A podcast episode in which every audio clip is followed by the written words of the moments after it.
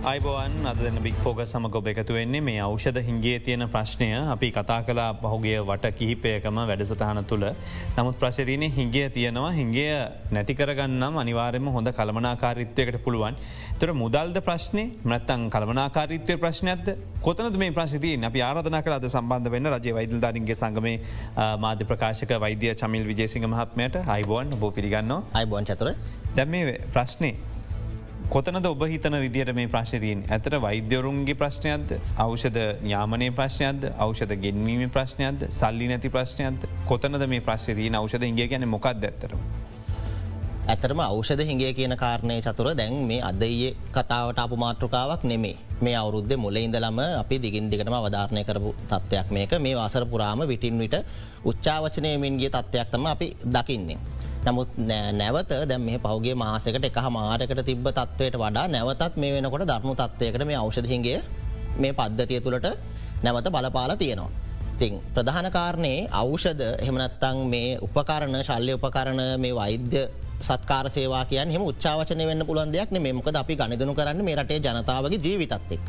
තොකට හෙම අඩු වැඩවීම වෙන්න බෑ අපි නිරන්තර ඔවුන්ට සමානාත්මතාවයනතු රටපුරා එක හා සමානව ගුණාත්මක සේවාවක් ඔවුන් එත සැපයන්න බැඳිලයින්නවා. තිං රෝගීන් රෝහලට ඒ වෛද්‍යරතු සෞඛ්‍යකාරමන්ලේ රෝහල ඉදී හැබැයි රෝගීන් රෝහලට ආවට පස්සේ ඔවුන්ට රෝගී සත්කාර සේවා සපයන්න වශ ෞෂධටික නැත්තං. ඔවුන්ට ශල්්‍ය කරම ඒවගේ දෙවල් කරන වශ ශල්්‍ය උපකරන ටික නැත්තං ඔවුන්ගේ පරීක්ෂණ ටික කරන්න අවශ රසායනාගාර ප්‍රතික්‍රියක ටික නැත්තං. නැත්තං එක්ෂ්‍රයාදී පරීක්ෂණ කරන්න අවශ්‍ය උපකරණටික නැත්තං එතන රෝගී නැත්තම් මේ සෞඛ්‍ය පද්ධතිය ඉන්න පරම ප්‍රතිලාබීන් තමයි පීඩාවට පීඩනයට ලක්වෙන්න. මේකට හේතුකාරණ කීපයක් අපි දකිනවා සෞඛ්‍ය මාත්‍යංශය පැත්තෙන් පිටින්ට එක හේතුකාරණයනවන එක අවස්ථාවකද කියනවා මේ මුදල් නැහැ කියනවා. තව කාලයක්ව මේ ඉන්දන ප්‍රශ්නිසා මේ තියෙන බෙදා හරින්න බැහැගල්. මුදල් නැති ප්‍රශ්න යම්තාක් දුරට එක ප්‍රශ්නයක් තමයි නමුත් මුදල් මාත්‍යංශත් අපි පසුගේ දවස කරපු සාකච්ඡාවද අපිව දැනුවත් කරපු කාරණය තමයි ඒ කියන මට්ටම අරමුදල් සම්පාදනය ගැටලුවක් නැහැ මොකද ආසයනු සංවර්ධන බැංකුවෙන් ලෝක බැංකුවෙන් එතකොට ඒවගේම ඉන්දියන් ක්‍රඩිට් ලයින් එකින් ඉන්දියන් අයාධාරයට ඒවගේම දෙෙසි දෙස් පරිත්‍යයාග යටතේ අවශ්‍ය කරන අරමුදල් සම්පාදනය කර ගැනීමට අවශ්‍ය ඉඩ ප්‍රස්ථාව ඔවුන්ට තියෙනවා. නමුත් ගැටලුව තියෙන්නේ මේ වෙනකොට මේ සෞඛ්‍ය පද්ධතියට අවශ්‍ය අවෂධ රැගනීම නැතන් අවෂධ ලබාදීමට සම්බන්ධ පාර්ශව කීපයක් ඉන්නවා. අපි දකින ප්‍රධානම කාරණය තමයි මේ පාර්ශව අතර නිශ්චිත සම්බන්ධීකරණයක් නෑ. ඔවුන් අතර හොඳ සන්නිවේදනයක් නෑ. ඒ නිසා මේ සම්පූර්ණ ක්‍රියාවලියම මේ ප්‍රසම්පාදන ක්‍රියාවලියම මේ සැපයවම් ක්‍රියාවලියම එහෙම පිටින් අවුල් ජාලයක් බවට පත්වෙලා එකන දැන් පැරණි ප්‍රසම්පාදන ක්‍රියාවලයට ලබාගත ගැන පැරණි සැපයම් කරුවට නෙමේද මේ ක්‍රමයට ලබාදන්න අලුත් විදිට පැරණි සැපියම් කරුවන්ටත් තාම ලබා දෙනවා නමුත් අපි දැක්ක පහුගේ මාර්තු මැයි මාසේ මේ සම්බන්ධ නිකුත්තච්ච විගනකාරිපති වාර්තාවක තියෙන ඔවුන්ට පවා රුපියල් මිලියන හාරදහකට අධික හිඟ මුදල්ග වන්න තොර සමහර සැපයම් කරු ඉවත් වෙලා නිසා. ඒවගේ යම තාක්ෂණික ගැටලුමට සමහර සැපයම් කරු ඉවත් කරලා. ඒ නිසා අලුත් සැපයම් කරුත් එක තුලා තින නමුත් ගැටලුව තියෙන්නේ මේ සම්පූර්ණ ක්‍රියාවලිය නියාමනය වෙන පිළිවෙලක් තියෙනවා. එකන අපි සරලවගත්තොත් සාමානය රෝහලකට අවශ්‍ය කරන වාර්ෂික අවශ්‍ය කරනය අවෂධ ප්‍රමාණය සම්බන්ධයෙන් ඒ රෝහල් පද්ධති හර සෞඛ්‍ය මාත්‍යංශයට ඔවුන්ගේ දත්තය වනවා. ඒ ඇස්තමයන්තය වනවා. ඊට පස්සේ මේ දත්තටි කෙන්නේ මධ්‍යම අවෂධ ගබඩාවට නමතන් MSD එකට. එතනින් තමයි මේ ජාතික ඇස්තමේන්තුව හදලා වාර්ෂික ඇස්තමේන්තුව හදලා මේක ඉන් අනතුරු අපිහිතම ඒ අවෂදය විදේශ රටකින්න ලංකාවට ආනයනය කරන්න ස්පසිය කර නැත්තන් ජාති රාජ්‍ය අවෂධ සංස්ථාවට එතනින් එහාට ඒක ඒ අවශ්‍ය කටයුතු කරන්න ලබා දෙනවා. අපි හිතම ඒ අවෂදය රටපුල නිෂ්පාදනය කරනවා නං රාජ්‍ය අවෂද නිෂ්පාදන නීතිකට සංස්ථාවට තමයි ලබාදෙන්. ඉන් අනතුරුව මේ අවෂධවල ගුණාත්මක භාවය. ඒ තත්ව නියාමනය ආදී කාරණාවලදී බල ඒ කටයුතු භාරව සිටින්නේ එන්න මාර්ය අත නිවත්තන් ජාතික අවෂධ නියාමන අධිකාරී. තොර මේ පාර්ශව පහ හෝ හය මේ එක තැනක ඉඳගෙන වැඩ කටයුතු කරන්න නැති ප්‍රශ්නය. ද ම මේ කෙරි ප්‍රශ්නයකන්තුව විගනකාධිපති වාර්තාව සහ පාර්ලිමින්තු විදිත් කතා කරපු චෝදනාවට නැගුණු කතාවක් තමයි එතකොට දැනට දත්ත පද්ධතියක් තියෙනවා. මේ පද්ධතිය පෞද්දිරිකංශ විසින් පවත්තගෙන යනවා මේකට ලොක මුදලක් වෙන් කරනවා.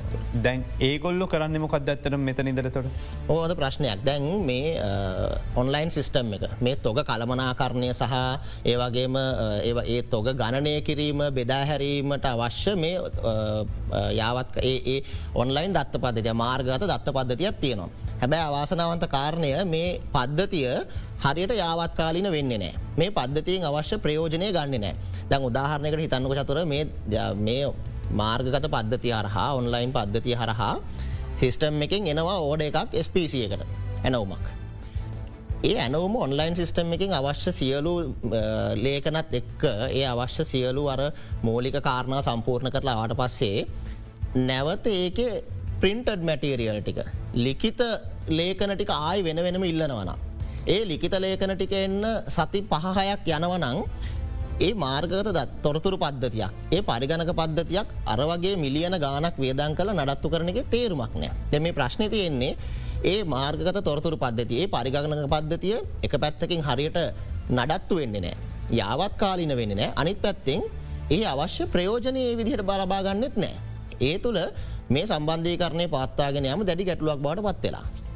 විශේෂම ගත්තෝතින් ද මේකේ මේ දත්ත පද්ධතිය පිළිබඳව කතා කරම මුදල්ල මත්‍යංශයේ ලේකම්වර යම කමිටුවට සම්බන්ධලා තිබුණා. මේ පද්ධතිය සකසන්න විතරක් රුපියල් මිලියන හයසිය හතලිස් පහක් වියදම් කළ තිබුණු බව කෝප් කමිටුව කිව්වා. එතෝට නඩත්තු කටයුතු සඳහා මසකට මිලියන පහක මුදලක් වැෑ කරන බව කියනවා.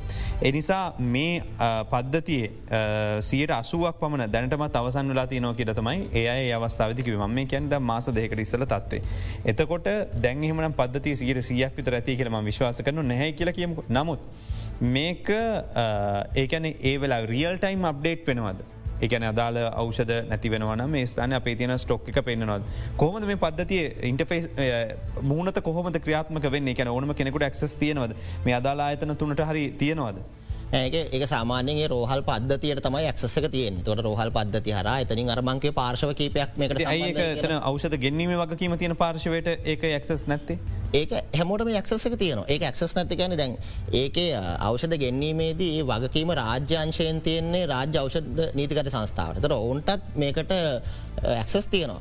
ප්‍රශ්න තියෙන්නේ අර ඔබ කිව්වාගේ මේ සිිස්ටම් එක අර දිනපතා යාවත් කාලින වෙන්න නෑ ඒකද අපි දකින හොඳ උදාහනත මේ සිිස්ටම් එක හරහා අපිට පුළුවන් වෙනවා රට තුළ මොන මොන අවෂද මොන මොන තැන්වල තියෙන්නේ කියෙනක බලාගන්න. අපිතුම එක් නැමති අවෂදේ අපි කියන ඒ නැමති අවෂදේ සමහරට ජාතිකරු හලේ නෑ. හැබැයි අපිට අනිත් පැත්තෙන් තොරතුර ලැබෙනවා මේ අවෂදේ අන්රාර්පුර ශික්ෂණ රෝහලේ තියෙනවා.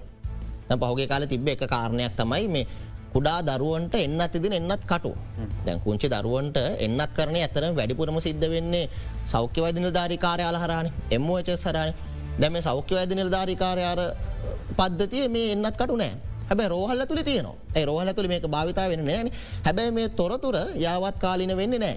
ඒ නිසා අර නිසි තැනට අවශ්‍යතාවය අනුව මේ අවෂදසා උපකරන නොයන ප්‍රශ්නයන් මේකත්තක මතු වෙලා ගැන දැනට මේ හිංගිය තියෙන්නේ අවෂධවලද එහම නැත්තම් අවෂදත් එක් බැඳෙන අනෙකුත් අවශ්‍ය ශල්්‍ය උපකරණවලද? නැත්තම් මොනවගේද මෙතන ඇතරම හිගේ තියෙන්නේ. ඇතරම අපි පොදුවේ අවෂද කියලා භාවිතා කලාට චතුර ප්‍රධාන කාණ්ඩ හතරක් අපි දකිනවා. එකක් තමයි මේ අවෂද නැතම් බෙහෙත් අපි සරලෝම කියන බෙහෙත් සාමානයෙන් අපේ පද්ධතිය තුළ ජීවිත ආරක්ෂක අවෂද අත්‍යවශ්‍ය අවෂද අත්‍යවශ නොවන අවෂද ආදි වශයෙන් එදදා එකසේ හතලිස් හයක පමණ ප්‍රමාණයක් අනුමත වෙලා භාවිතා වෙනවා. අනිත් පැත්තෙන් ශල්්‍ය උපකරන වෛද්‍ය උපකරනතන් කන්සිමබල්ස් තියනවා. මේවා ආසන් වශයෙන් නමදහකට පමණාසන් ප්‍රමාණය අටදා සත්සිය විතර ප්‍රමාණයක් පද්ධතිය තුළ තියෙනවා. අනිත් පැත්තෙන් ලැබ් අයිටම්ස් ගැන රසායනාගාර පරීක්ෂණ සිදි කිරීම සඳවශ උපකරන ප්‍රතික්‍රියක රසායන ද්‍රව්‍ය මේ වගේ දේවල්. මේ පද්ධති තුළ අනුමත කළ භාවිතා කරන තුන්දස් නමසයක පවන ප්‍රමාණයක් අනිත් පැතින් එක්්‍රේ අයිටම් ඒකැන එක්්‍රේ සටමරයාදී පරීක්ෂණවට අවශ්‍ය කරන උපකරන. හතලිස් හතරක පමණ ප්‍රමාණයක් මේ පද්ධති තුළ තියෙනවා තොරද මේ අවෂද සහ උපකරණ හිගේ කියන සමස්ත වචනය ඇතුළේ අපි කතා කරන්නේ මේ කාණ්ඩ හතරම මේ බෙහෙත් විතරක් නෙමේ බෙහෙත් පෙති නැත්තන් ඉන්ජෙක්ෂන් විතරක් නෙමේ ශල්්‍ය උපකරණල හිගේ ඊට වඩා සමහරලාට දරුණුයි. තැන් අපි දන්න අන්රාධපුර ශික්ෂණ රෝහලක් වෙලා එක්ෂ්‍රේ පරීක්ෂණ ටික කරගන්න හරි අමාරුවේ තොට දැන් අපි මේ වැස්සත්තක දැන් කතා කරන ඩෙංගුරෝගය ගැන. තොර ඩෙංගුරෝග හිසේසවොත් ඒත් එක්ම සාමාන රුදිර පරීක්ෂණ කරගනීම ගැටලුවක් ඉදිරිට මතීම අවධානමක්තින මේ ප්‍රතික්‍රියක දැනට දැනට අපි අනුරාධපුරේ කතා කරන්න. එතකොට අනුරාධපුරේ ගොඩක් දෙනෙක් යන්නේ රුදිර පාලවිරණය වගේ දේවල්ලට යනවා. එතර මේ කටයුතු සිද්ධ වෙනවද? අවශ්‍ය පහසුකම් තියනව එමනත්තම් පිටින් කරන්න කියනද ඔබ කියන විදිට එක්ස්්‍රේක පිටින් අරන්න කියලද මේ වෙලා කියන රෝහල්ට ගියෝතින් ඇතුළ ගන්න බැයිද. ඇතුළේ ගන්න ප්‍රමාණය සීම සහිත කරන්න සිද්ධලද දැන් අපත් අපි සාමාන්‍යයෙන් එදිනදා තියෙන වැඩකටයුතු ගත්තොත් රෝහලක අත්‍යවශ්‍යසා හදිසි සේවාවන්තයර්තන මේ මොහොතෙත් මේ අවෂධහිගේ මොන මට්ටමින් බලපෑවත්න් අපි කියම පැනඩෝල් පෙත්තක් වට නැතිවුණන කිසිම හේතුවක් මත මේ රටේ රෝහල් පද්ධතිය ඇතුළේ අත්‍යවශ්‍යසා හදිසි ප්‍රතිකාර සේවාවල බිඳ වැටීමක් නැවතීමක් අඩු කිරීමක් කරලා නෑ. මෙරටේ සෞඛ්‍ය කාරමන්ලේ උපරිම කැපකිරීම කල්ලා ආදේශක හරි හොයාගෙන මොන ක්‍රමෙන් හරි ඒ ඒ ජීවිතාරක්ෂක සේවාටික සපයනවා. නමුත් සාමාන්‍ය සේවාවන්තයරනේ අපි හිතමු සාමාන සායනවලට පැමිණ රෝගීන් ඉන්න එතක නත සාමාන ශල්්‍ය කර්ම තත මේට දින දීලා අපි කරනමුත් මේ අම්මාකාරක සීම කිරීමක් කරන්න සිද්ධ වෙලා තියෙන එතකට ඔබ කිවගේ දැන් ක්ෂේ පරීක්ෂණ අපිට හදිසි අනතුරක් වෙලා එන රෝගයෙක්ට අපි හිතම ෝගේ පිලෑටවල බිඳීමක් අපි සක කරනවා නැත්තන් අස්ති බිඳීමක් සක කරනවා අපිට ඔහුට එහෙම යවන්නේ නැහැ. හැබැ සමහරලාවට සායනය හරහා කාලයක් තිස්ස තියෙන කොන්ද කැක්කුමකට රෝගියක් කෙනවන ක්ෂයක් ගන්න. සමහට දිනයක් දීල පස්ස දවස කන්න කියන සිද්ධ වෙන ඇතන් බැරි මුණොත් හොට පෞද්ගලිකංශයෙන් කරගන්න කියන සිද්ධ වෙනවා. තිං හැබැයි අපි දන්නවා මේ වගේ දේකට තව දවසක් ගත කරනවා කියන ඔවුන්ගේ ජීවිකාව ඔවුන්ගේ රක්ෂාව මේ සියල්ල කැප කලතම ඔවුන්ට එන්න වෙන්න. සා මේ තුළ මේ අපි කියන බෙහෙත් නැතිම නිසා විතරක් නෙමේ ඒ හරා මේ රටේ රෝගීන්ට සිද්ධන සමාජාර්ථික හානියත් ඉතා විශාලයි. දැනට දශක ගණනාවකට පෙර භාවිතයට ලබාදුන් භාතරගත ප්‍රතිජීව කෞෂද පවා භාවිතා කරන්න සිදුවෙනවා කියලා ඊයේ එක් පෘතිය සමිතියක් චෝදනා කර සිටිය. ඒක එහෙමද සහ ඒම බෙනවනම් මොනවද පාවිච්චි කරන්න සිද්ධවෙන්. ප්‍රතිජීවක අවෂදවල විශාල හිඟයක් තියෙනවා. ගැන් ප්‍රතිජක අවෂද පෙති වශයෙන් හෝ කරල් වශයෙන් ලබා දෙන අවෂද තියෙනවා. ඒවාගේම ඒවා ඉන්ජෙක්ෂන් විදිහත් ලබා දෙන අවෂදන මේ විශාල හිඟයක් තියෙනවා. එතකොට ප්‍රතිජීවකයක ඇන්ටි බයටික් සිතරක් නෙමේ පිගෙන ඇන්ටි වයිරස් වෛර සාධන සඳහ ලබාදන යම අවෂද තියෙන ට ඇන්ටි ෆංගස් දිලීර රෝග සඳහා ලබාදන අවෂද මේවැ පව විශාල හිඟයක්. දැම ඒ දවස අන්ටර්පුර රෝහල පිට ලපිච ඒ යාවත් කාලන කිරීම. ඒ තොට කම්පාරෝහල්නු ඒ විදිහම තමයි. විශාල ලයිස්තුවක් තියෙනවා හිඟයි. ඇතරම් පත් ඇතුලෙන් නැහැ හිඟයි නෙමේ මේක හරි වචනය අවට් of ස්ටොක් ඇත්තෙම නැහැ බින්දුවයි. එතකොට මේවට යම්යම් ආදේශක භාවිතා කරනවා.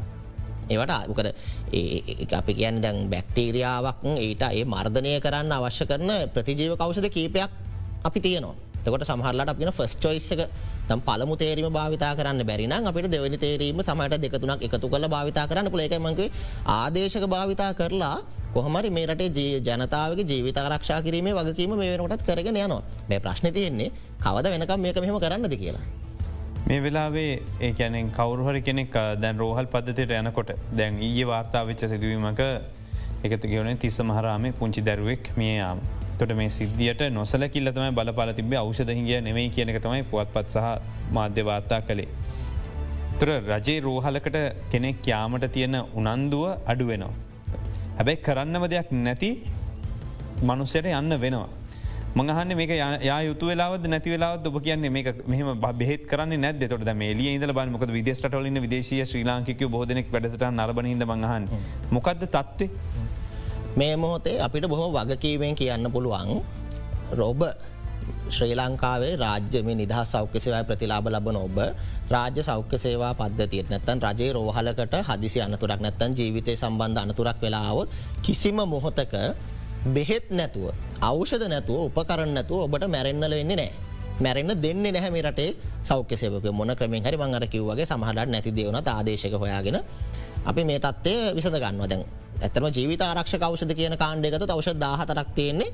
මේ අවෂද දාහතරෙන් දෙක තමයි ගැටලුව තිබුණ විශේෂයෙන් රේබිස් නැත්තන් ජලබීතිකාව සඳහා ලබාදන එන්නත විශේෂයම ද ඒ ගැටලුව විසඳලා තේර ජීවිතාරක්ෂ අවෂද හතර මට පද්ධති ඇතිවෙන තියෙනවා. නමුත් නමුත් මේ තියෙන තත්ත්වය තුළ යම් යම් සේවාවන් සීමා කිරීම් කරන්න සිද්ධ වෙලා තියෙනවා. නමුත් අපිට වගකීමෙන් කියන්න පුළුවන් තාමත් බෙහෙත් නැතුව මේ පද්ධති ඇතුළට ඇවිල්ලා මැරෙන් ඔබට සිද්ධ වෙන්නේ නෑ ඔබගේ ජීවිත බේරාගෙනින් වෙනුවෙන් මෙරට සෞඛ්‍ය සේවකින් තමන්ගේ වගේීම හැමලීම ෂ්ට කරනවා. අපිට ප්‍රශ්න විදිර ඔබට තියනම් ප්‍රශ්නයක මොකරන්න පුළුවන් ෆේසුක් ලයිව කවස කියලත් මතක් කරන මේ වෙලාවෙදි දැ මුලින්ම අපි දකිනව බොහෝ වෛද්‍යවරු තම තමන්ගේ හිතවතුන් මාර්ගෙන් විශේෂක්න වෛදරු අපි දකිනව දරුවන්ට අවෂදගෙන්ව ගැනීම් කරන තොට හිතවතුන්ගේ පරිත්‍යා කිරීම කරනවා. කොච්චරක විත පරිත්‍යයක් ලැබෙන කියල විශවාසක පුළන්ද මේ වෙලා මොනවගේ දෙවල පරිත්‍යක් විදිර ලැබෙන විදෙස් රටවල සින්න ශ්‍රී ලාංකිකයන්ගෙන් සහනකුත්තා ඇතනොලි. ඇත්තර මේ වෙලාවේ මේ සෞඛ්‍ය පද්ධති තියෙන ගැටලුව සෑහන දුරට කළමනා කරණය කරගනිමින් තියෙන මේ ලැබෙන දෙසි දෙස් පරිත්‍යාගත් එක්ක. ශේෂයෙන් විදෙස්රටවලින් ශ්‍රී ලාංකිකය වගේම රටතු ඇතුලඉන්න පරිත්‍යාගශීලනු ඉතා විශාල වශයෙන් මේ තත්වය විසඳගන්න මේ තත්වයට සංවේදී වෙලා මේ ගැටලු විසඳන්න මේ සෞඛ්‍ය සේවාව ගොඩගන්න විශාල වශයෙන් උපකාර කරනවා. ඇත්තර මේක ලස්සන කාරණාවතමයි මේට සෞඛ්‍ය බලධාරීන්ත් මේ ප්‍රශ්නය සම්බන්ධය එච්චර සංවේදී නැහැ. එතකොට දැන් උදාහරණ අපි ගත්තොත් රිජ්‍ය ආරය අමාරෝහල ගත්තොත් මේ වෙනකට ප්‍රධාන රෝහල් පද්ධතිය ගත්තොත් රිජ්‍ය ආරය අමාරෝහලට තමයි අඩුවම මේ අවෂදහිගේ බලපෑම දෙරන්නේ ඒහෙතුව මේ පරිපාලකයින්වත් එතනන්න අධ්‍යක්ෂකරුවත් කරපු දෙයක් නෙමේ. ඒ ඒ රෝහල ඇතුළේ ඉන්න වෛද්‍යවරු සහනිකුත් සෞඛ්‍ය කාරමන්ලේ තමන්ගේ හිතෝතුන් මාර්ගයෙන් දෙස් ලබාගන දෙසිදෙස් ආධාර නිසා සහ ළමයින් කේන්ද්‍ර කරගත්ත ඒ ලැබෙන ආධාර නිසා.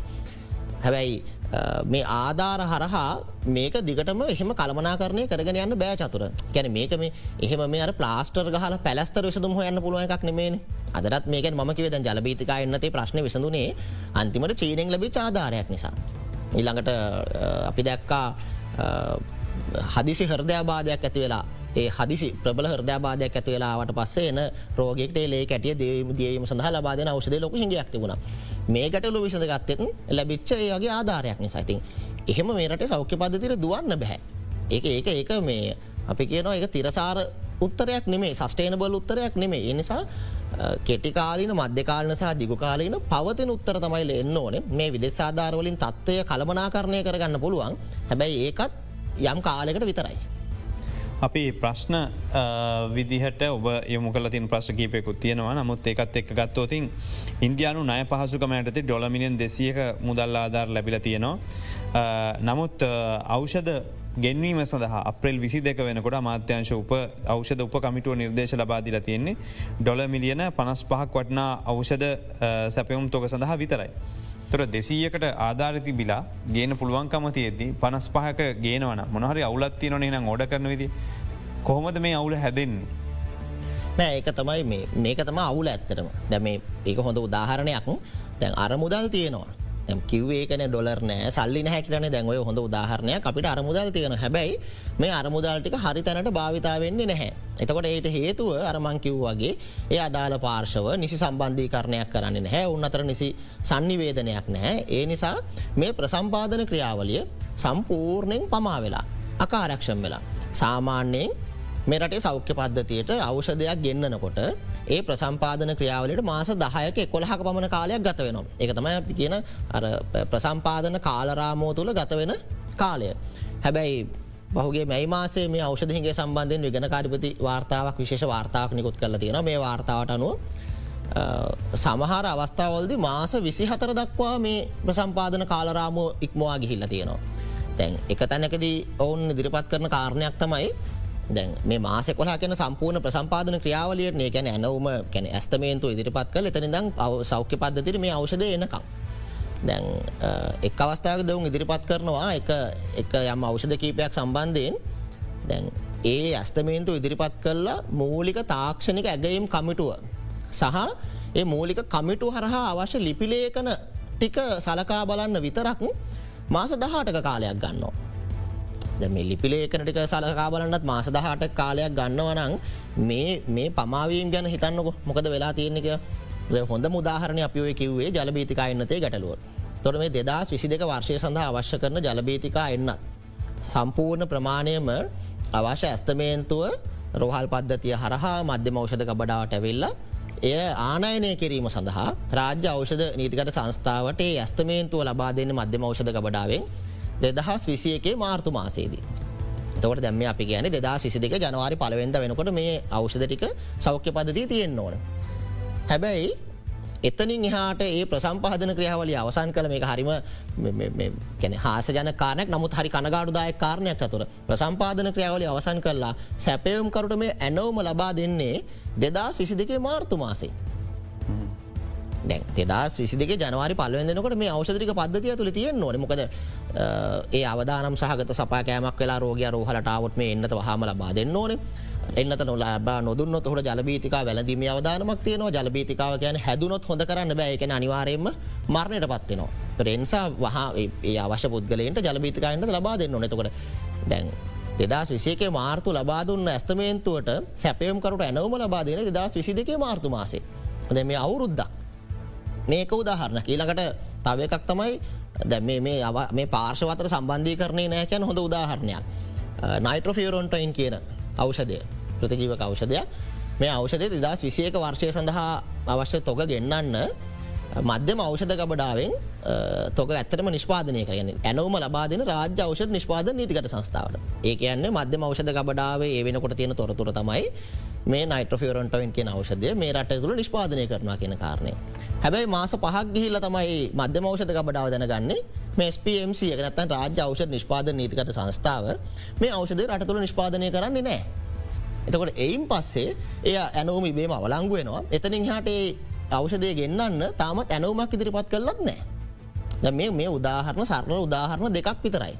තෝට දැන් අනිකාරණය සිට්‍රසින්. සිටසින් කියැනෙ සාමානයෙන් ආසාත්මිකතාවලට ඇත්තන් අපි දන්න සරල හෙම්බිරිස්සාාවකට සෙම් ප්‍රතිශ්ාවකට කැන සිරප් එක මේ අපි මම මේ කතා කරන්නේ මේ රටේ කුඩා දරුවන්ට නිත්තර භාවිතාවෙන අවෂදයක් සාවනය අවුරුද්ධකට බෝතල් ලක්ෂ දෙලක්ෂ හැටදහක පමණ ප්‍රමාණයක් අවශ්‍යයි එතවට දෙදහස් විසියක වර්ෂය සඳහා මේ අවශ්‍ය ඇනුවම ලබාදීලා මේ බෝතල් දෙලක්ෂ හැට දහසක ප්‍රමාණයෙන් පනස් පන්දහක් විතර මේ පද්ධති රෙනකොට එකන සියට විස්සක් විතරෙනකොට එක්වරම මධ්‍යම අවෂධ ගබඩා මැදිහත් වෙලා මේ ඇනවම අවලංගු කරනවා.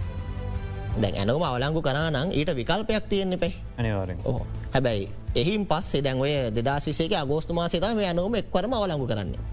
එයින් පස්සේ මේ වෙනකං උත්තරයක් නෑ. සිට්‍රසින් කියන අවෂදය මේ පද්ධතියට ගෙන්න්න එතනින් හට කිසිම පියවරක් කරගන්න දැන් ඔබ මේ වෙනකට මේ රටේ දරුවන්න අම්මල තාතල දන්නවා තමන්ගේ දරුවට සම්ප්‍රදේශට අවශ්‍යකන පිරිටන්ටික සිට්‍රසින්ටි ගන්නක පාමසයකවත් බෙහතකරත් හොයාගන්නනෑ මේ මේ තියෙන සරල උදාහරණ කීපයක් මේ. මේ විගනාර විගෙන කාඩිපති වාර්තාව හරහා ලබාගත්ත තොරතුරු ඕනුත් යම් සීමසාකාරී සාධක අටතම තොරතුර ලබාගෙන්ට නිතර මේ කීපයයි. තව මේ වගේ ඕන තරන් අපිට හෙවොත් මේ පද්ධතිය තුළ ලබාගන්න පුළුවන්.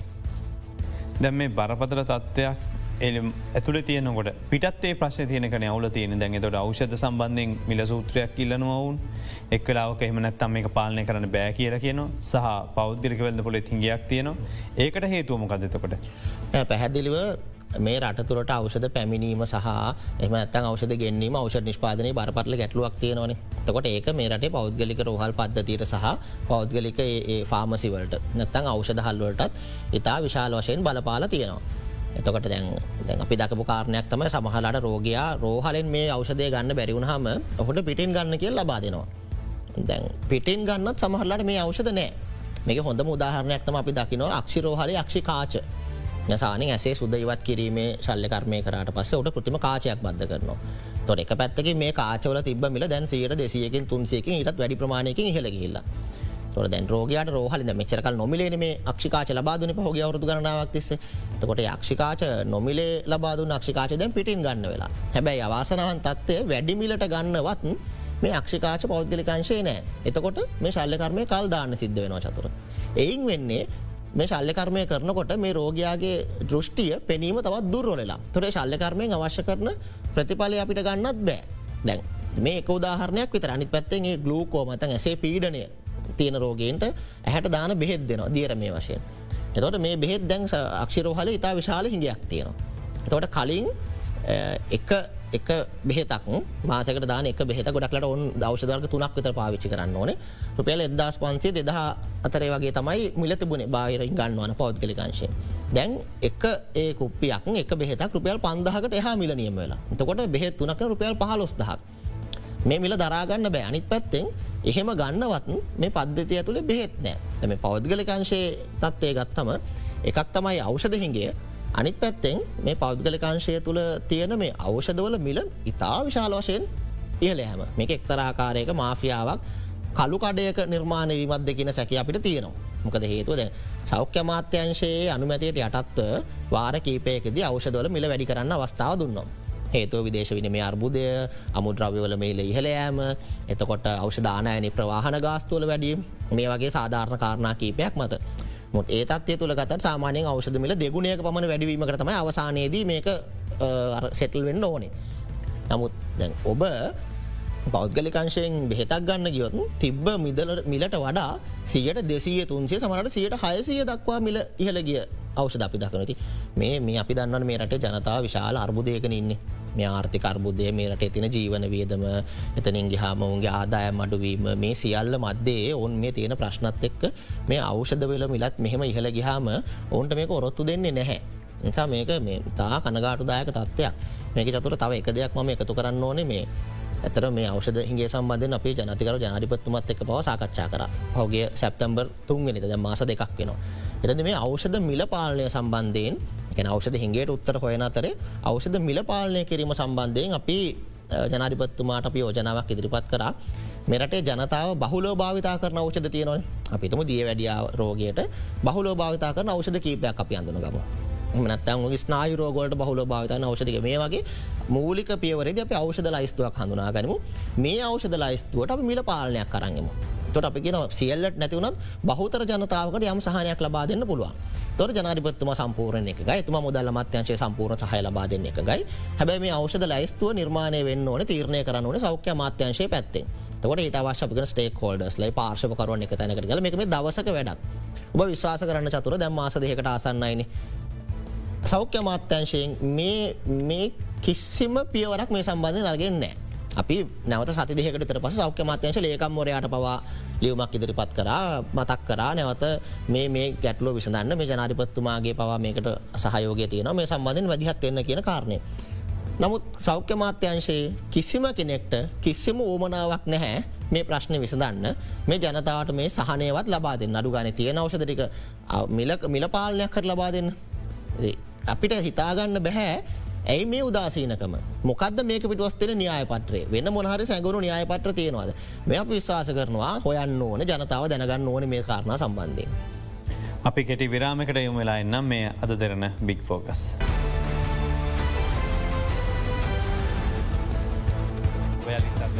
ෝග සමග එකතු වෙලා ඉන්න අපි සාකච්ඡාව ගොඩ්නගමින් ඉන්න මේ තියෙන අවෂධ හිංකය සම්බන්ධයෙන් මේ අවෂධ හිංගට බලපාන කරුණු පිළිබඳව අප මෙතෙක් සාකච්ඡා කලාද දවසේ මේ සාකච්ඡා තුරදි. ඉතින් විශේෂෙන්ම මෙහිදී මතුවෙච්ච කරුණු ගත්තයන් පස්සේ ඔබට හිතන ඇති අපි මේ මොනවගේ රටකද ඉන්න කෙලෙති මේ අවෂධවලනුත් මේ විදිිය මේ විදිහට වංචකරනවද කියරලා හිතේ ඉතින් වෛද්‍ය චමිල් විජේසික මහත්ම පිත්තක මේ සාකච්චරක තුරයින් දැන් මේකේ ඊළඟ කොටස. දැන් ජීවිතාරක්ෂ කෞෂත ගැන කතා කර අපිට අවශ්‍ය අවෂද ගැන කතා කර බැ පිළිකා රෝගින් අවෂද ගැන කතා කරන්න මනෑ නමුත් ඔවුන් තමයි බොහෝ වෙලාවට මේ ප්‍රශ්නය මතු කරන පිරිස. ඕ මේ අවෂධයෙන් ගියත් එක්ක චතුර මෙරටේ පිළිකා රෝගීන් විශාල අසිරුතාවකට පත්වෙලා ඉන්නවා. බිදන්නවා මහරගම ජාතික පිළිකා ඇතන විතරක්න මේ රටපුරා තියෙන පිළිකා ඒ සායන හරහා පද්ධති හර මේ රටේ පිළිකාරෝගීන්ට විශාල සේවාවක් ලබා දෙන. තොට ඔවුන්ට මේ ඔවුන්ගේ මූලික ප්‍රතිකාරවලින් පස්සෙන් දෛනිකව හෝ නිතිපතා ලබාගන්න පිළිකානාශක අවෂධ තියෙනවා. තොට මේ ඔවුන් නිරන්තරව ලබා ගන්න ඕනේ ඒ පිළිකානාශක අවෂ නිරන්තරව ලබා ගැනීම ඔවුන්ගේ ජීවිතය පත්වා ගැනීමට අත්‍යවශ්‍යයි. දැ එක පැත්තකින් මේ වෙනකොට මේ පිළිකානාශක අවෂද විශාල ප්‍රමාණයක් මේ පද්ධතිය තුළ නැහැ. දැයි සම්බන්ධෙන් විධ සංකාලයකන දිරිපත්වන ඔබට මත ඇති රජ වෛද්‍ය ධාරග සංගම අපේ වෛදතුමෙක් මෙත නැවිල මේ සාකච්ඡා කරනකොට කලින් දවසේම පිළිකාරෝ හලින් වෙනවා තොරතුර අවෂධ වර්ග හැටක් නෑ කියලා. පහෝදා කියන නෑ පහලවයි නැති කෙ කෙනෙ අපිටම තේරන මේ කොලේ වහන්න කාට දෙක තුර දවස ඇතුල් අවෂධ හතලිස් පහක් කන්න ක්‍රමයක් නෑන පැගනක් ඇතුළත. එතකොට මේ ඔය එක පැත්තක්. තොට මේ පිළිකා රෝගීන්ට තමන්ගේ අවෂධ ටික පිළිකාරෝගෙන් කැන ඔවන් විශාල මානසික සා සමාජය පීඩනයකට ලක් ලයින්න ඔන්ගේ රෝගතත්වයක් එක් හනි පැත්තේ ඔන්ගේ ආර්ථික විශාල බලපෑමක් කලමකදේ රෝගතත්වක ඔන්ට ඔන්ගේ සාමාන්‍ය දෛනික කටයුතු කරගැනීමවල කරගැනීම යම්යම පහස්ථාවයන් තියෙනවා. ඔන්ගේ ඒ පවුලට ඒ බලපෑම තියෙන තුකට ඒ නිසා මේ රටේ සෞඛ්‍ය පද්ධති ප්‍රතිපත්ම තීරණයක් පහුගේ කාලමට වසර කීපයකට කලින් ගත්ත එකක්තයි මේ පිළිකා රෝගීන්ට අවශ්‍ය පිළිකානාශක අවෂද සම්පූර්ණයම නොමිලේ ලබාදෙනවා කියන. ොද එකක් මේ අවෂද ටික ඔවුන්ට රෝහල් පද්ධතින් ලබාගන්න බෑ. රෝහල් ඇතුළ නෑ. හැබැයි දැන් සමහර වෙලාට ඔවුන්ට පෞද්ගලිකංශය ගන්න පුළුවන් කියමු. නමුත් අනිත් අවෂද වගේ නෙමෙයි මේක අවෂදයක් සමහට රුපියල් දහ දහයි පාලොස් දහයි තිස් දහකට හා යන අවෂද තියෙනවා. එතකොට ඔවුන්ට ඒ මිල දරන්න බෑ. තොට ඒ නිසා මේ පෞද්ගලික අංශයෙන් ඔවුන්ට මේක ගන්නත් බෑ. අනිත් හැමෝටම වගේ අනිත් අයට තියෙන අවස්ථාවත් ඔවුන්ට නැහැ. මේ තත්ව ඇත් එක්ක. රාජ්‍යංශයෙන් ඔවුන්ට මේ අවෂධටික ලැබෙන්න්නෙත් නැහැ එනිසා පිළිකාරෝගීන් මහිතන මේ අවෂදහිගෙන් වැඩ්ඩීම අසරණකමට වැඩ්ඩියම පීඩාට පත්වෙලා ඉන්න එක පිරිසක්තා මේ පිළිකාරෝගීන් කියන්න. මේ වනමිට ඒ ඇනේ දැම් පෞද්ගලිකාංශයට හරි අවෂධ තියනෝනම් විකුණන්න පුළුවන්. නමුත් දැම් මෙතන අපිට පැහදිලුව පෙන්නවා නොකර හැරීමක් පැහැර හැරීමක් තියෙනවා කියන එක ගෙන්වීමේදී. තර දැම් මේ හදිසි මිලදී ගැනීමවලට යන්නද මෙච්චර මේ උත්සාහ කරන්න. සහගේම ගියොත් මොකද තියෙන වාසිය. ඒක හොඳ ප්‍රශ්නයක්. දැන් අපි සාමානය වෛද්‍ය අපි කතා කරන චතර මෙඩිකල් නෙගලිගන්ස් නොසලකා හැරීම කන තකට අපගේ වචන දෙකක් භාවිතා කරන ක්් of කමිෂන් ෝ ක්් of ඔමිෂන් එකැන කලයුතු දේ නොකිරීම හෝ නොකළ යුතු දේ කිරීම. දැ මෙතන්ද අපි සමහරතැන්ගල නිරීක්ෂණය කරන මේ කළ යුතුදේ නොකිරීම තුළ තමන්ගේ වගකීම පැහැරහැරීමක් තම මේ අදාල මේ වගයුතු පාර්ශවයන්ගේ දකින්නේ. එතකොට මේ අවෂධ හිඟියත් එක්ක මේ යම් අවෂධයක් පද්ධතිය තුළ හිඟවෙද්දි ඒකට ගන්න කෙටිකාලීන එක උත්තරයක් තමයි මේ රටේ සෞඛ්‍ය පද්ධතිය මේ හදිසි මිලදී ගැනීම කියන කාරණය. සාමාන්‍යයෙන් අප හිතම එක් නැමති අවෂධය හිඟයි. හිඟ වුණ හම සෞඛ්‍ය මාත්‍යංශයරහ පුවත් පත්වල දැන්වීමක් පල කරනවා. ඔවුන්ට දැන් දැම අවෂදය හිඟයින. මේ ඉක්මට ඕනෙන. එතකොට මේ සාමාන්‍ය ප්‍රසම්පාදන ක්‍රියාවලින් පිටිං තමයි මේ කටයුතු සිද්ධ වෙන එතකොට මිල සම්බන්ධයෙන් ලොකු නියාමනයක් සිද්ධ වෙන නෑ රුපියලේ බෙහෙත රුපියල් දහයට සීයට දාහට උනත් වෙන්න පුළුවන් පද්ධතියට ලැබෙන්නේ. එතකොට යම් සැපයුම් කරුවෙක් හෝ දෙන්නේ ඔවුන්ගේ ඇනෝම් ඉදිරිපත් කරනවා. මුලින්ම සහයේ තියන මිට ලබාගන්න පුළුවන් කෙනගෙන් ලබාගන්නවා. මෙතැන්දී අපිට තියෙන සැකේ තමයි මේ කාරණය කලින් සැලසුම් කරන්න පුළුවන්. මේ අවෂද හිඟවෙනවා කියන කාරන අපි හිතන්නක යම් සැපයුම් කරුවක්කින්නවා ඒ අවෂදය හිඟවෙනවා කියන කාරණය තොරතුර හොට ලැබෙනවා. මේ රට ඉන්න යා දන්න දැන් යා දන්නවා. එයා දන්න දැම එහෙම එහෙම ගණදුන මේ රට ඉතිහාසය වෙලා තියෙනවන ලොකුව ආන්දෝනයට ලක්වෙච්ච ගණදුන හෙම තිබුණන එතකොට ඔහු කලින්ම මේ අවෂද තොක රට ගෙනල්ලා තියෙන්නේ. එතකොට අවෂදය හිඟයි කියලා සමහට අවෂදහිගේ කෘතිමෝ මවාපාප හිගයක් වෙන්නත් පුළුවන් වෙන හේතුවක් දක්කලා. අවෂදය හිගයි කියල සෞඛ්‍ය මාත්‍යංශයෙන් ප්‍රසිද දැන්නීම් පල කරන දැන්නීම් පල කරලා හැරන පරක්කුවට අර සැපියම් කරවා කියන ඔවු මන් සතුව මේ වෙනට රට තුළම මෙන්න අවෂදය තියෙනවා මොක අනිත් සැපයම් කරුවන්ට සතියක් දෙකක් යනවන ඒ වෙනකම් බලගන්න බෑ. අවෂදයක්නේ ජනතාවගේ ජීවිත සම්බන්ධයෙන් වගකීම එනිසා ඒ ඒ කාරණය සාධාරණය කරණය කරලා අර පුද්ගලයකින් අවෂදය ගන්න එතකොට සමට රුපියල් දහය බෙහෙත රුපියල් සීයට දාහට වෙන්න පුළුවන් ගන්න. එතකොට ක්‍රමවේදය හරි. හැබැයි තමන්ගේ යාලුවට තමන්ගේ හිතමිතුරට තමන්ගේ ඥාතීන්ට අයුතු ලාභයක් මේ ලබාදීල තියෙන් තකට මේ හදිසි මිලදී ගැනීම් දැම මේ අවෂදහිගේ උග්‍ර වෙන්න වෙන්න මේකත් එක් අනිත් පැත්තෙන් ඉහළ යන්නේ හදිසි මිලදී ගැනීම. එනිසා ඇති අපි අපේ යෝජනාමාලාය බොහම ප්‍රබලවම මතුකරප යෝජනාවක් තමයි මේ හදිසි මිලදී ගැනීමේ යාන්ත්‍රණය වහාම නියාමනය වෙන්න ඕනේ. මිල නියාමනය සම්බන්ධයෙන් මිල තීරණය කිරීම සම්බන්ධයෙන් බොහොම දැඩි ස්ථාවරයකට මෙරට සෞඛ්‍ය මාත්‍යංශය සහ අදාළ පාර්ශව එන්න ඕනේ. ඒවගේම මේ සම්බන්ධයෙන් තොරතුරු මාසිකෝ සමාලෝචනය කරන්න ඕනේ ජනතාවට පාර දෘශ්‍ය වෙන්න ඕනේ විනිවිධ භාවයෙන් යුක්ත වෙන්න ඕනේ එහෙම නැත්තං අපි හැමෝම් මතක තියාගන්න ඕන කාරණයක් තමයි මේ මොනාවනත් මේ අපි කවරුත් ගෙදරින් ගෙන මුදල් නෙමේ මේ රට අහිංසක ජනතාවගේ බද මුදල් තර මේ රට අහිංසක ජනතාවගේ ජීවිතත් එක් අපි සෙල්ලං කරන්න මේ බලධාරීන් මෙරට අහිංසක ජනතාවගේ බද මුදල් වලින් නම් අපි විශවාස කරනවා ඊට වඩා අපරාධයක් නැහැ. අපි මේ අවෂධ හිගේ විතරක් මනේ දැන් අනි පැතර කතා කරනවට තුර දැ මේ වෛද්‍යරුන්ගේ හිගයක් ඒද කියල බලා බයක් තිබනන එකන හැටේ සීමාවත් එක් දැබතුමල්ලගේ මතය මොකද මේ විශේෂක්න වදරු දෙසිය පනහක් විතර මේ වෙලාවේ විශ්‍රාම ගන්න නොන එක පාර පද්ධතියට මොනවගේ තත්ත්වයක් මොනවගේ විදිහකින් එක බලපායිද.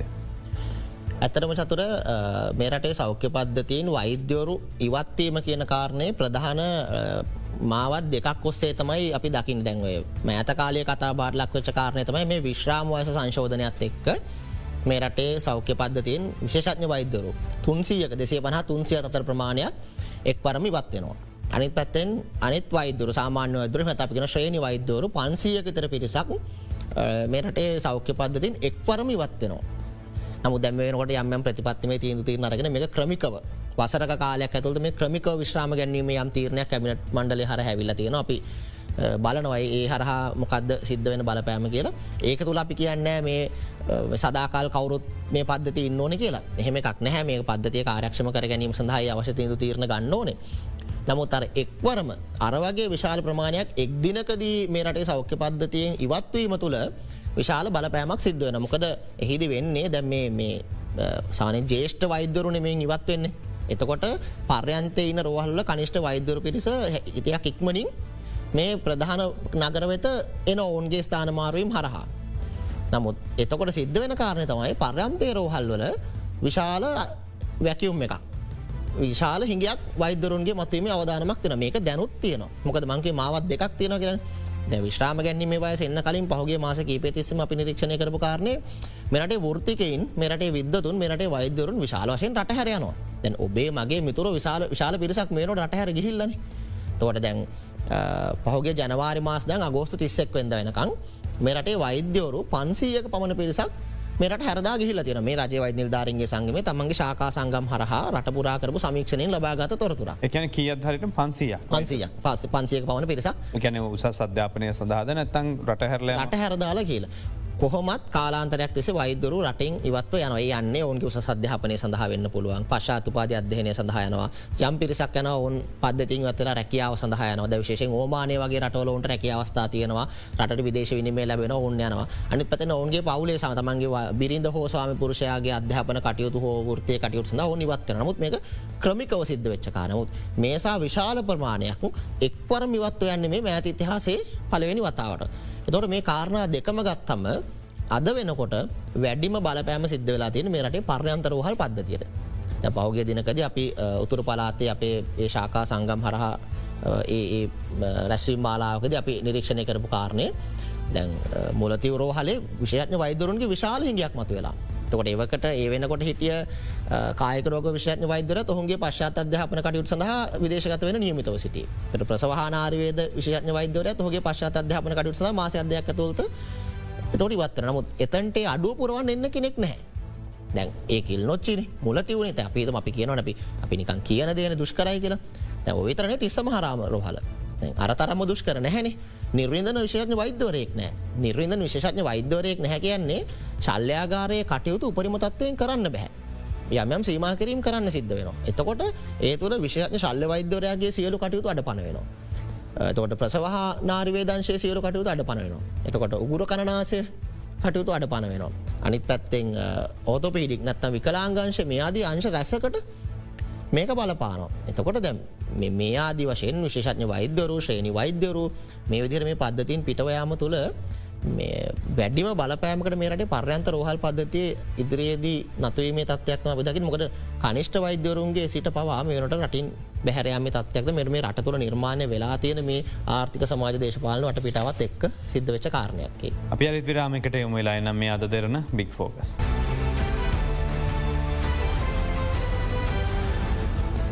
ඔබෑලි අදරන බික් ෆෝක සමග එකතු වෙන්න තොර දැ මේ රටේ සෞඛ්‍ය සේවේ විශාල වශයෙන් පිරිසක් ගත්තෝතින්. විශාල පිරිසක් විදෙස් ගත වෙනවා. එතකොට තව පිරිසකට වෛද්‍ය අධ්‍යාපනය වරම් තිබෙනවනම් ඔවුන්ට හොඳ රැකියාවට යන්න පුළුවන්කමතින. තුර බොහෝ පිරිසක් විදෙස් ගත වෙලා තමයි බෙලරුස්සල්ට හරි කොහරි මේ හිතන්නත් බැරි සමහල්ලට බංගලා දේශට රටවල්ලට ගිල්ල අපිට සෞඛ්‍යශේෂ පද්ධති ගැන කතාන පහලින් රටවල්ට ගිලම අධ්‍යාපනය හදාරලයින්. තර නැද්ද ඉඩක් මේ පිරිස එකතු කරගන්න මොකද රට සල්ලිගෙන් අනි පත්තෙන් බලවනට ස්කිල්ල එකක් තින පිරිසක් එකතු වෙන ෘත්තිකයෝටිකක් කෙන්නේ. එතවට මේ වෛද්‍ය අධ්‍යාපනය අඩුගනේ පෞද්ගලික අධ්‍යාපන ඇතනට රටේ පහටන් ගන්න අවස්ථාවක් දෙන්න ඒ සාකච්ඡාවක් ඇතිවෙන්නවත් නැත් දෙක සම්පූර්ණය වහලා දැන් ඒක බෑ රාජ්‍යංශ විතරද කරන්න ඕන. ඔකොහොද ප්‍රශ්නයක් චතුර දැන් ඇත්තරම ඒ සම්බන්ධයෙන් කාලෙන් කාලට සාකච්ඡා මතවනානේ අපිට මතකයි දස් නමසය අසුව දශකයේදී උතුරු කොළඹ පෞද්ගලික වෛද්‍යද්‍යාල රස පිළියන්දල ප්‍රදේශ පෞද්ගල වෛද්‍යද්‍යාලයක් සම්බන්ධය සාකච්ඡාවක්කා මෑතකදිම තිබේ සයිට මායතනය සම්බන්ධයෙන්. එතකොට මේ හැම තැනකදම මතුවෙච්ච කාරණයක් තමයි මේ රටේ විශාල සිසුන් පිරිසක් මේ විදේශ විනිමත් එක්කන මේ යන්නේ වෛද්‍ය අධ්‍යාපනය සඳහා විදෙස්ගත වෙන ඔවුන්ටම අවස්ථාවක් ලැබෙන් ඕනගෙන කාරණය. වෛද්‍ය අධ්‍යාපනය කියන කාරණයේදී අපි මේ බිහි කරන්නේ වෛද්‍යවරයෙක්න.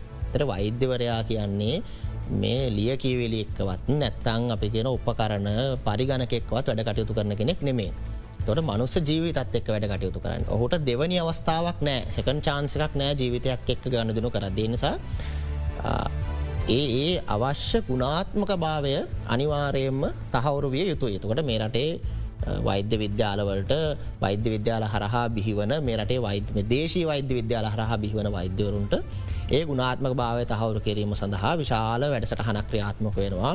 ඔවුන් ඉතා අසීරු කෝස්ස එකක් නිසා ඉතා අසිරු පාටමාලාවක් තමයි මේ හදාරන්නේ වසර පහකටත් අධික කාලයක් තිස්සේ. තොට ඒ හරහ තමයි අනතුර වසරක සීමවාසික පුහුණු අවසන් කල් ඔවුන් පූර්ණ කාලන වෛද්‍යවරයක් ඉදිට පද්ධතියට එන්න ඊට පස්සේ විශෂඥ වෛද්‍යරයක් කෙන තවත් අවුරදු පහක හයක හත්තක පමණ කාලයක් සමහරලාට ගත කරන්න සිද්ධන ඔන්ගේ ඒ පශ්ාතුපාද අධ්‍යයන කටයුතු යටතේ. තැන ඔබහපු කාරණය අපේ රටේ සිසුන් විශාල වශයෙන් විදෙස්කත වෙනවා කියන කාරණ දැන් විදෙස් රටවල වනත් අපිකතු ඉන්දයාය වනත් පන්දුරකට පයින් ගැහොත් ඕන තරම් පෞද්ගලික වෛද්‍ය විද්‍යාල තියෙනවා එහර ඉන්දියාවේ සෞඛ්‍ය පද්ධතිය ඉතා විශාල අවධහනමකට ඉතා විශාල අර්බුදයකට ලක්වෙලා තියෙන මේ මොහොත වෙනට තකට දැන් අපේ රටේ ගුණත් ඒ බාහිරට යන්න අවස්ථාල බාදීල තියෙන්නේ මේ රටේ ශ්‍රී ලංකා වෛද්‍ය සභාව ඒ වගේම යෝජීසියක විශිද්ධල් ප්‍රතිපාදන කොමිෂන් සභාවාදී ආයතන හරහා පිළිගත් විශ්වවිද්‍යාල කීපයකට පමණයි. ඒ හේතුව ඒ ඒ කොලිටියක ඒ තත්ත්ව නියාමනය ඒ ගුණාත්මක භාය පවත්වා ගැනීම අත්‍යවශ්‍ය නිසා. තින් මේ රටතුල වනත් මේ වගේ පෞද්ගලික වෛද්‍ය විද්‍යාල ගැන පෞද්ගලික විශ්වවිද්‍යාල ගැන මොන විදිිය කතා බහක්කාවත් අපි විශ්වාස කරන කාරණය තමයි එකක් මෙරටේ නිදහස් අධ්‍යාපනය ආරක්ෂාවෙන් ඕනේ. මෙරටේ නිදහස් අධ්‍යාපනය සහ නිදහස් සෞඛ්‍ය කියන්නේ මේ රටේ මේ වෙනකොට දරාගෙන සින්න කුළුණු දෙක. අපි කතා කරන දැනුම කේන්ද්‍රී අධ්‍යාපනයක් ගැන අදැනුම කේන්ද්‍රී ආර්ථිකයක් ගැන්න. තොට මේ රටේ විද්තුන් බුද්ධිමතුන් බිහිකර මිනි නිදහස් අධ්‍යාපනය හරයින්සා නිදහස් අධ්‍යාපනයට සහ නිත් පැත්ති නිදහස් සෞඛ්‍යයට හානියක් වෙන කිසිම දෙකට කිසි මොහොතකට රජවෛද නිර්ධාරන්ගේ සංගමය එකඟතාවයක් ඇති කරන තත්ත්වයක් නැහැ. එක ප්‍රතිපත්ති මේ කාරණයක්.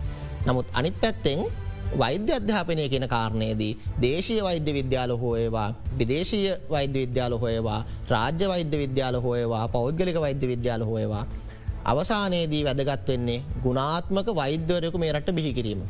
ඒ වෙනුවෙන් මිනිමම් ස්ටන්ඩඩ්ස් නැත්තං අවම තත්ත්වයක් අනිවාරයෙන්ම ඒ ගුණාත්මක භාවයක් මේන්ටෙන් කරන්න ඕනේ පවත්තාගෙන ඕන උදාහරණයක් දැ ම ශ්‍රී ජයවර්තනපුර විශ්වවිද්‍යාලයේදී වෛද්‍යපාදය හදාරනකොට අපිට සායන කැනෙ බලවනි වසරේ දෙකේ හෝ ඒ ලෙක්චර්ස් තිබිලා ඒ දේශන තිබුණට පස්සේ ඉන්නතුර අපි සායනික කටයුතුවලට තම යන්න. අපි ගෙනගන්න රෝගීන් බලලා.